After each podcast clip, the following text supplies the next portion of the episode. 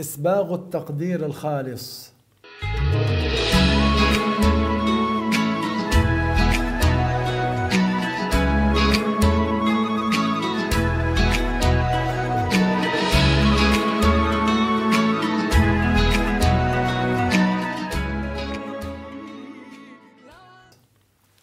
الحمد لله وصلى الله وسلم على رسول الله.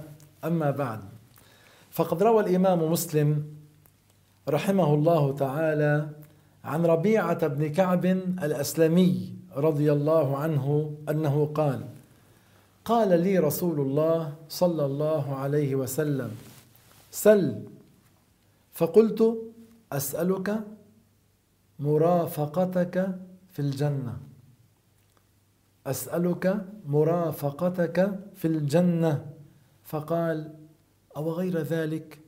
قلت هو ذاك.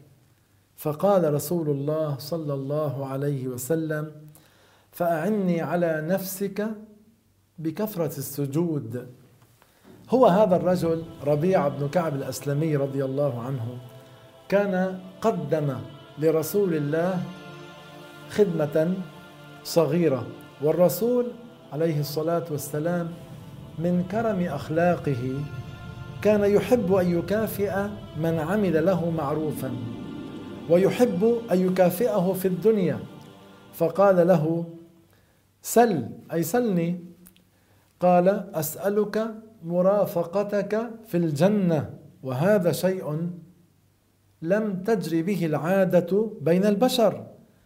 هذا شيء لم يطلبه واحد بحسب العادة من الآخر.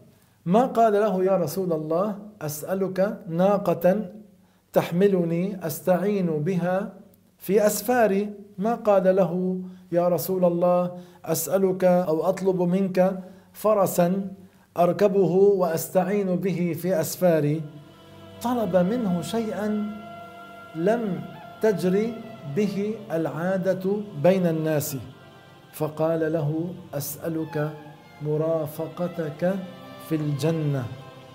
الرسول عليه الصلاة والسلام ما قال له أشركت كفرت كيف تطلب مني هذا الأمر؟ تطلب امرا ما جرت به العادة بين الناس. ما قال له هو طلب من رسول الله أن يرافقه في الجنة. فقال له أو غير ذلك؟ قال هو ذاك. قال فأعني على نفسك بكثرة السجود.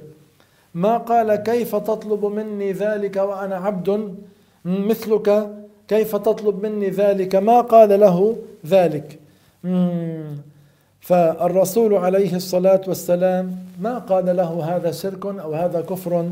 لأنه ليس عبادة لغير الله تعالى مجرد طلب طلب أمر لم تجري به العادة بين الناس. نعم هذا ما دخل في العبادة. ما معنى العبادة؟ العبادة نهاية التذلل. العبادة نهاية التذلل أو أقصى غاية الخشوع والخضوع.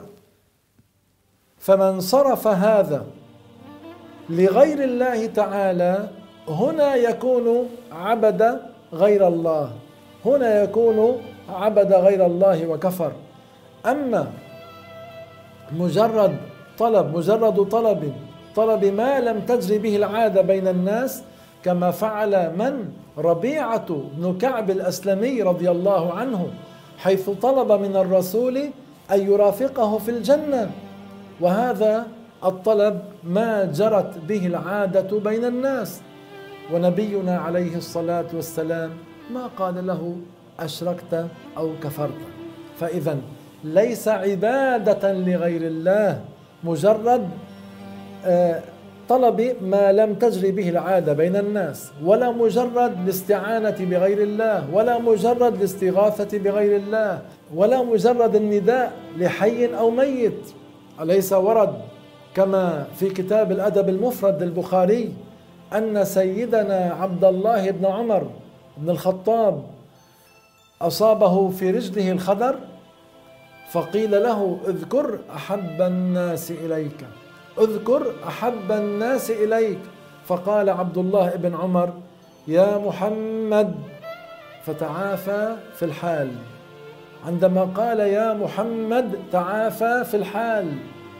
هذا النداء لحي أو ميت ما دخل في العبادة ما دخل في الشرك.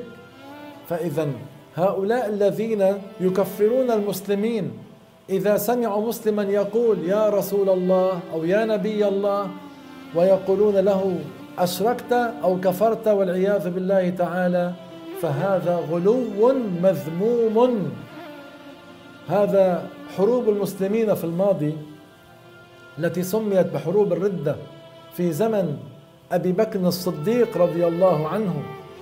ماذا كان شعار المسلمين في تلك الحروب؟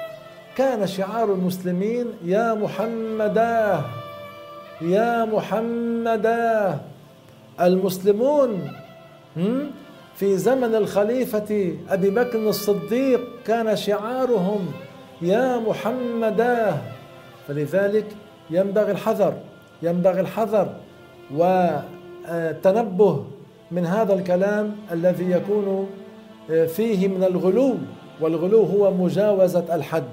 فنعود إلى كلامنا. فرسول الله صلى الله عليه وسلم من كرم أخلاقه يحب أن يكافئ من عمل له عملا معروفا في الدنيا. الحاصل فلنقتدي به صلى الله عليه وسلم وكذلك لنقل من أسدى إلينا معروفا كلمة طيبة فإن الكلمة الطيبة صدقة. نسأل الله تعالى حسن الاتباع والله تعالى أعلم وأحكم.